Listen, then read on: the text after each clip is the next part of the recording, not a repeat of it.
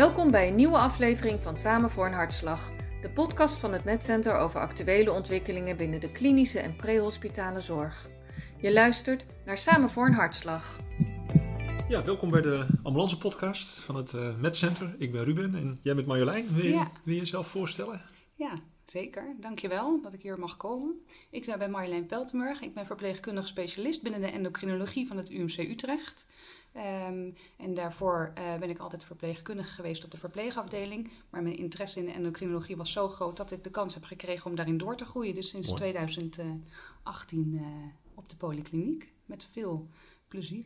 Oké, en dat is ook gelijk de reden natuurlijk dat je hier uitgenodigd hebben. Want wij zijn ambulance hulpverleners. Wij hebben weinig verstand van eh, hormonen. Want wij werken vooral in de acute sector. En, en, eh, dat is eigenlijk gelijk de aanleiding voor, eh, eh, om jou hier uit te nodigen. Een collega van mij die heeft kinderen die, die bijnierschorsinsufficiëntie hebben.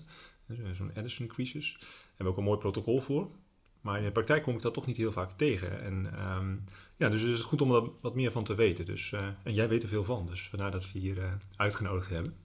Ehm, ja, het komt, kan je vertellen hoe vaak het voorkomt? Ehm, nou ja, bijnierschorsinsufficiëntie eh kan vele oorzaken hebben, maar het Hm. is en blijft een zeer zeldzaam ziektebeeld als je het vergelijkt met andere ziektebeelden zoals een diabetes of een epilepsie. Ja.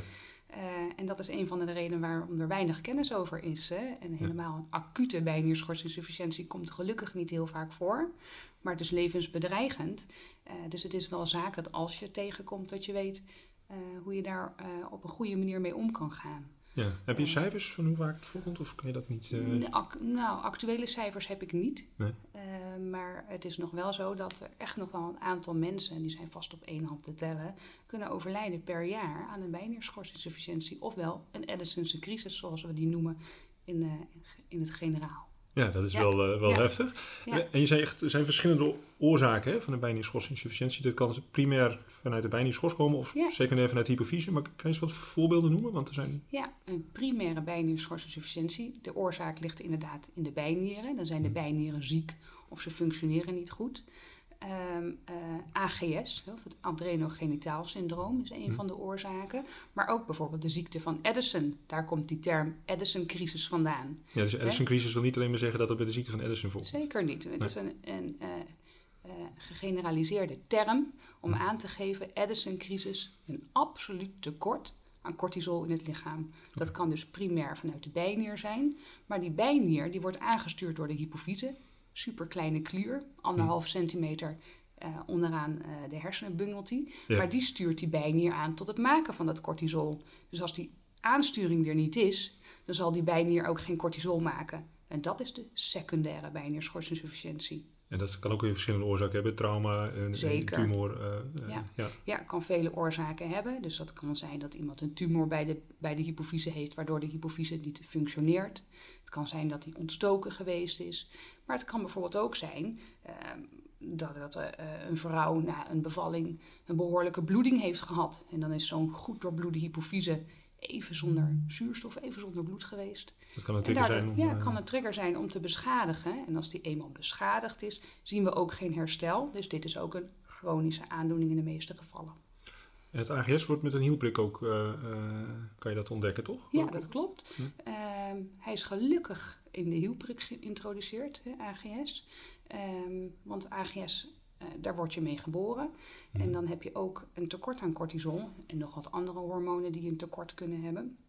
En dat kan levensbedreigend zijn. Ja, en zo'n baby gaat jou niet vertellen natuurlijk hoe ziek hij zich voelt. Nee. Ehm, maar dus het is heel erg belangrijk eh, dat we dat vroegtijdig ontdekken. En vandaar die hielprik, daaruit kunnen we halen wat er aan de hand is. En dan ga je heel snel, kom je bij de kinderarts terecht en heel snel aan de juiste medicijnen. En ehm, levenslange behandeling. Ja, omdat eh, een, baby kan zich niet uiten en eh, daarom is die hielprik zoveel belang om dat vroeg te herkennen Ja, en ook dus te behandelen. Ja. Hè? En dan kan je bij een baby die misschien wat eh, lusteloos en apathisch en veel te rustig is, hè, daar ga je wat testjes bij doen. Maar daar ga je niet de, de, de, de cortisol bij prikken. Nee. Nee, nee, Nee. daar ga je een glucose prikken. Je gaat Ja. kijken wat er nog meer aan de hand kan zijn. En dat zijn de meest voor de hand liggende oorzaken waarom een baby het niet goed doet. Maar niet het cortisol, dat prik je niet mee. Mhm. Terwijl dat echt levensbedreigend is. Dus, dus de is een mooi, een mooi iets wat geïntroduceerd is. Hoe kan je het nog meer herkennen dan? Even in die chronische fase, dus niet in die acute fase binnen de ambulancezorg, maar...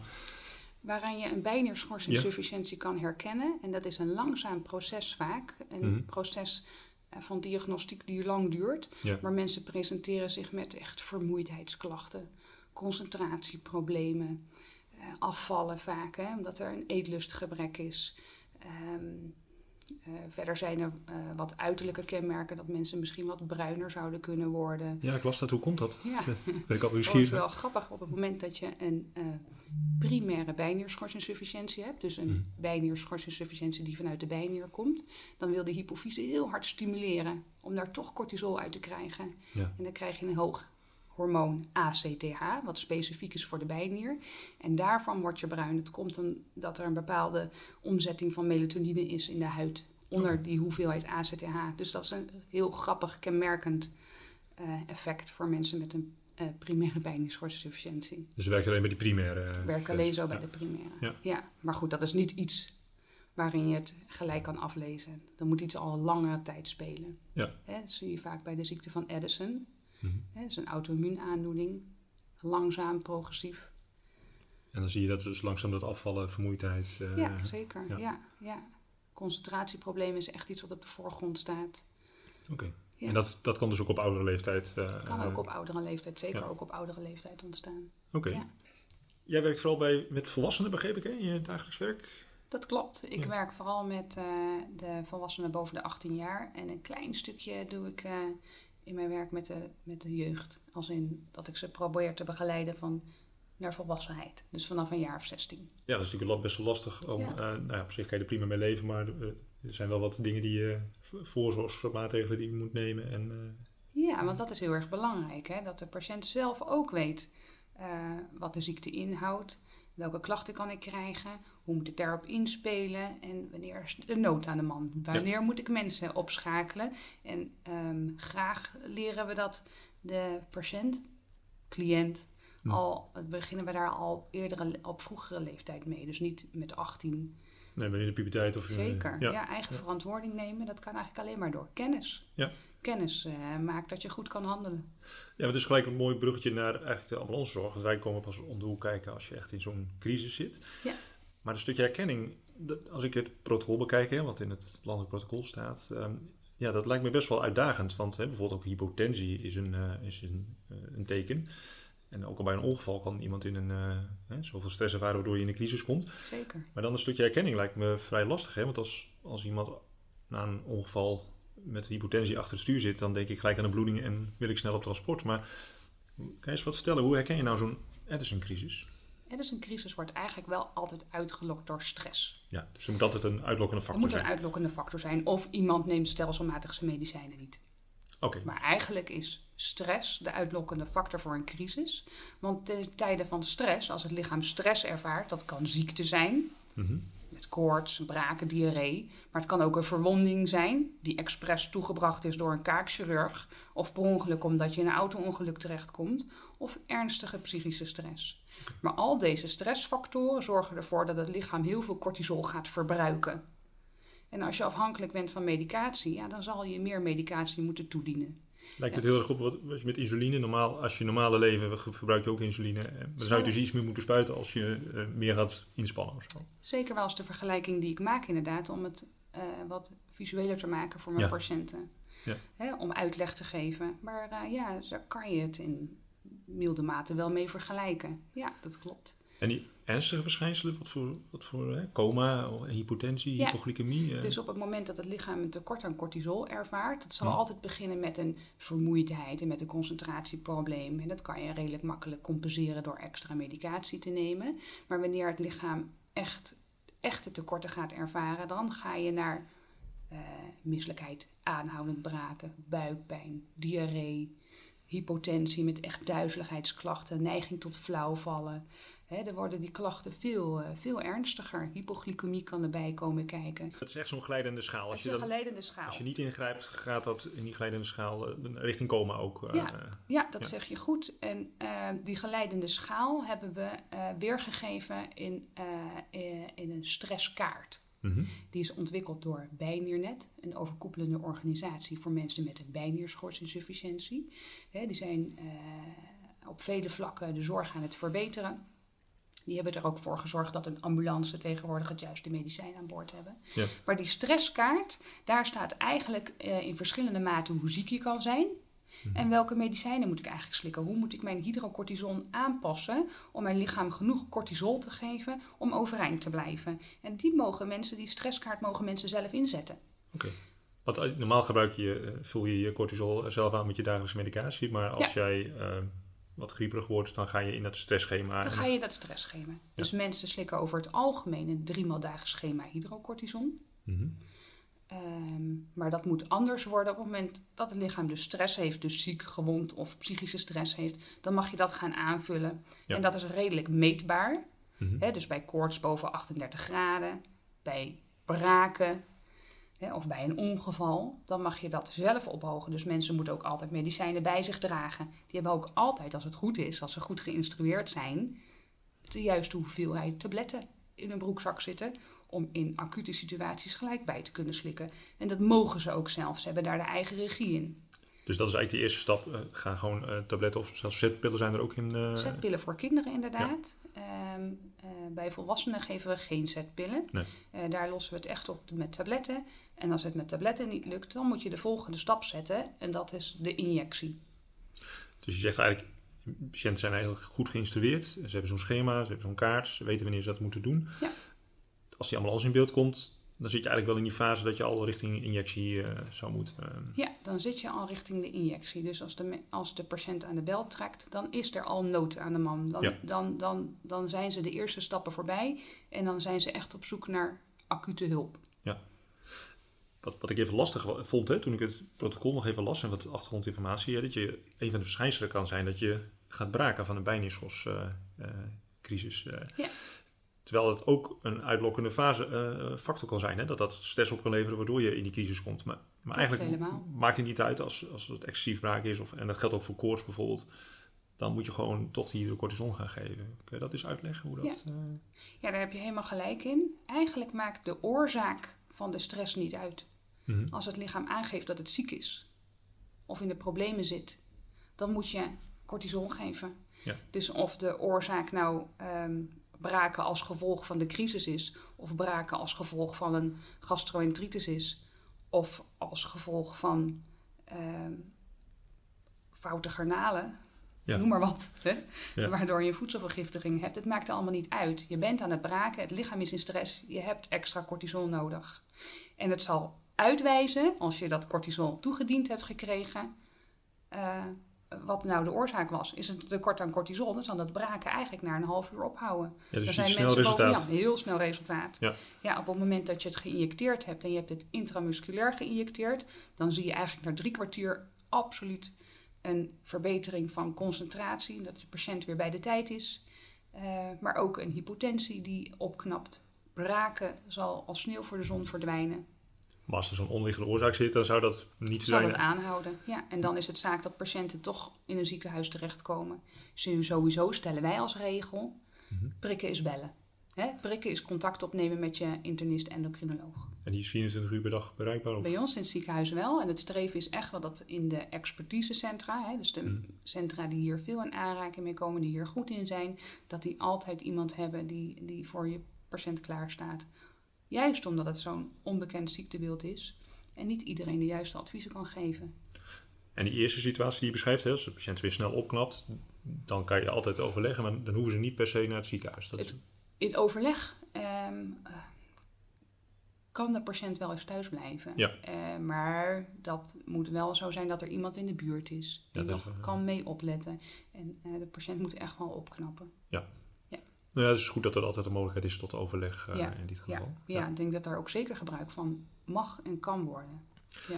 En, eh, wat ik net schetste, hè, die, die, die patiënt die een ongeval krijgt, eh, en die, eh, of die in coma is, dus niet in een ongeval, maar bij iemand komt die in coma is.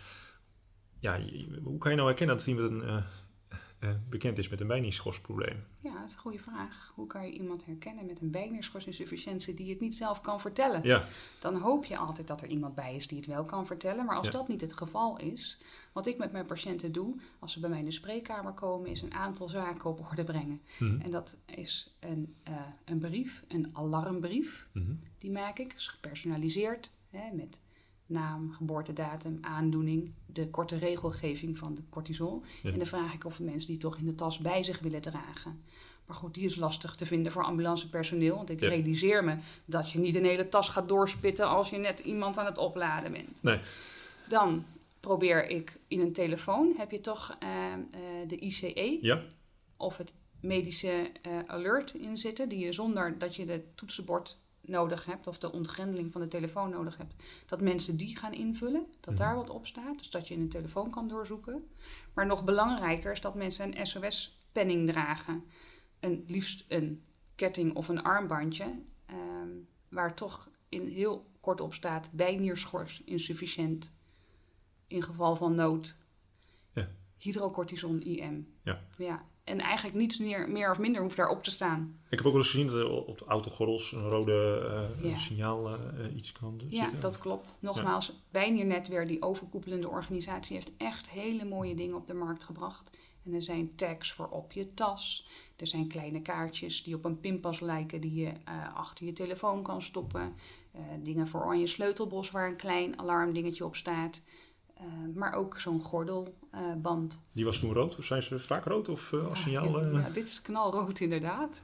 Vooral om op te vallen natuurlijk. Ja. Nou ja, maar het is voor ons goed om te weten dat je gaat pas naar iets kijken als je weet waarnaar je moet kijken. Hè? Dus dat, dat is goed om te weten, denk ik, dat dat bestaat. En mensen hebben zelf ook noodmedicatie, die hydrocortison hebben ze. het is niet een kant-en-klaar spuit, begreep ik, maar dat is gewoon ook hetzelfde als wij hebben. Hè? Je moet ze optrekken. Ja, je moet ze optrekken. trekken. En het is een best wel ingenieuze ampul.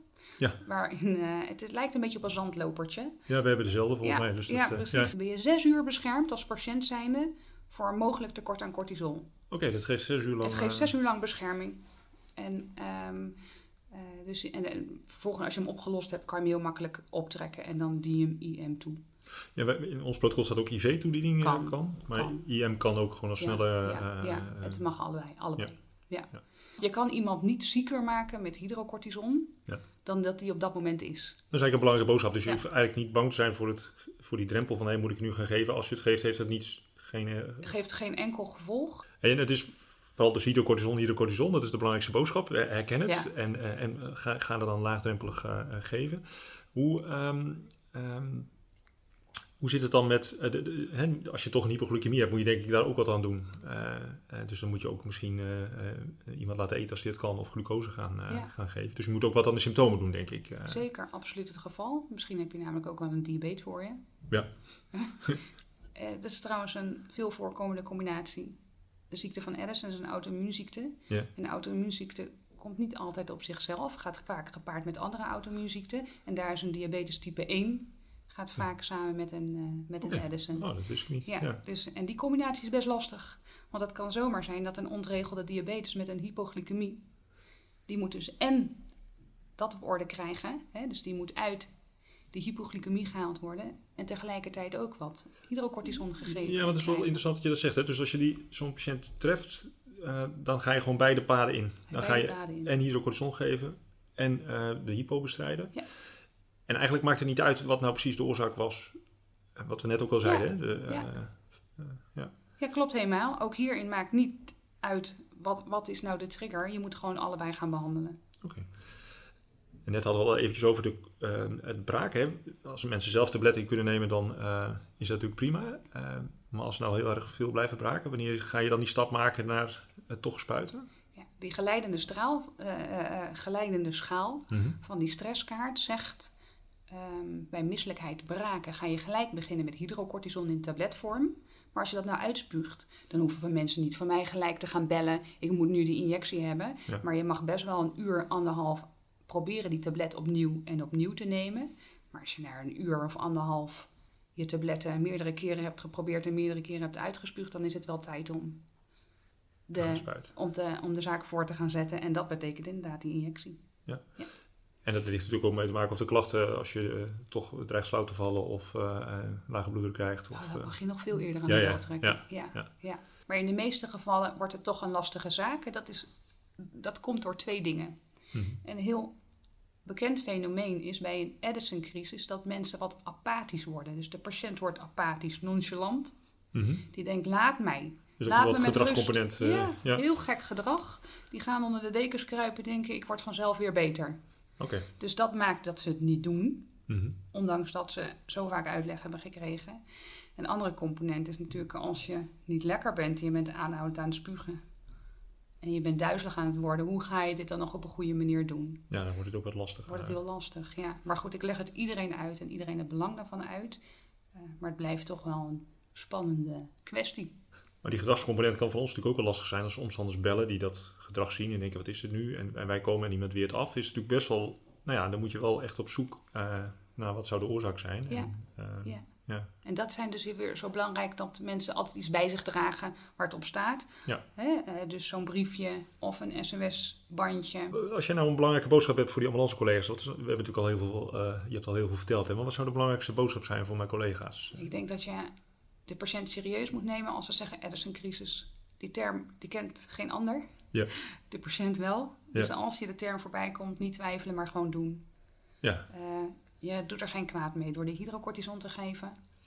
Eh, je doet er wel kwaad mee als je het niet geeft. ja, Want dan wordt het echt potentieel levensbedreigend. ja, dat is een mooie boodschap, denk ik. En ehm, stel dat de patiënt het nu zelf al gegeven heeft en hij is in coma als je komt, dan is het dus ook niet erg om het toch nog een tweede keer te Het geven. zou niet erg zijn om nog een twee keer te geven, maar dan zou ik toch ook naar de eerste hulp racen. Want dan is er een andere factor die misschien nog wel veel zwaarder weegt. Ja, maar het is natuurlijk ook zo dat eh, mensen met uh, ook gewoon andere problemen kunnen krijgen. Absoluut. Ja, Ja, Ja. ja. Het zijn ook gewoon normale mensen die ook andere problemen kunnen krijgen. En met 100 milligram ben je eigenlijk uit de brand. Hè? Ben je Ja. zes uur beschermd. Eh, een dubbele dosis zal niet afdoen aan. Zou je iemand niet meer of minder. Nee, er zijn ook geen ziektebeelden te verzinnen waar je dus eigenlijk niet zou moeten geven. Niet in die cruciale fase van. Nee, en dan weegt het niet op tegen het, Nee. de, de voordelen die je ervan eh, Zeker. van hebt. Ja. Nou, zijn er nog dingen die je wilt toelichten of nog wil uitleggen? Of, Nee, eh, ik denk dat voornamelijk, ik zeg het tegen mijn patiënten, maar ook tegen zorgend eh, of medisch personeel. Ja. Ik denk vooral kennis. Eh, kennis is heel erg belangrijk. Hè? En verdiep je in, in het ziektebeeld. Eh, en dan gaat het vanzelf goed komen voor deze patiënten. ja, neem een mee Ja. een differentiaaldiagnose voor eh, dat Addison-crisis ook, eh, met, met alle verschijnselen die zo divers zijn. eh, je denkt ook heel veel aan andere ziektebeelden, maar Ja. neem ook in ieder geval Addison-crisis Ja, mee in, je, in je gedachten. Ja, en ga, en ga op zoek naar dat bandje wat een, wat een patiënt om kan hebben. Ja, en nou bedankt. En ik hoop dat deze podcast ook bijdraagt aan het stukje kennisvermeerdering. Dus eh dankjewel voor je, voor je komst. Graag gedaan. Ja, in je uitleg. Ja. Dit was een aflevering van Samen voor een Hartslag. Volg ons op Spotify.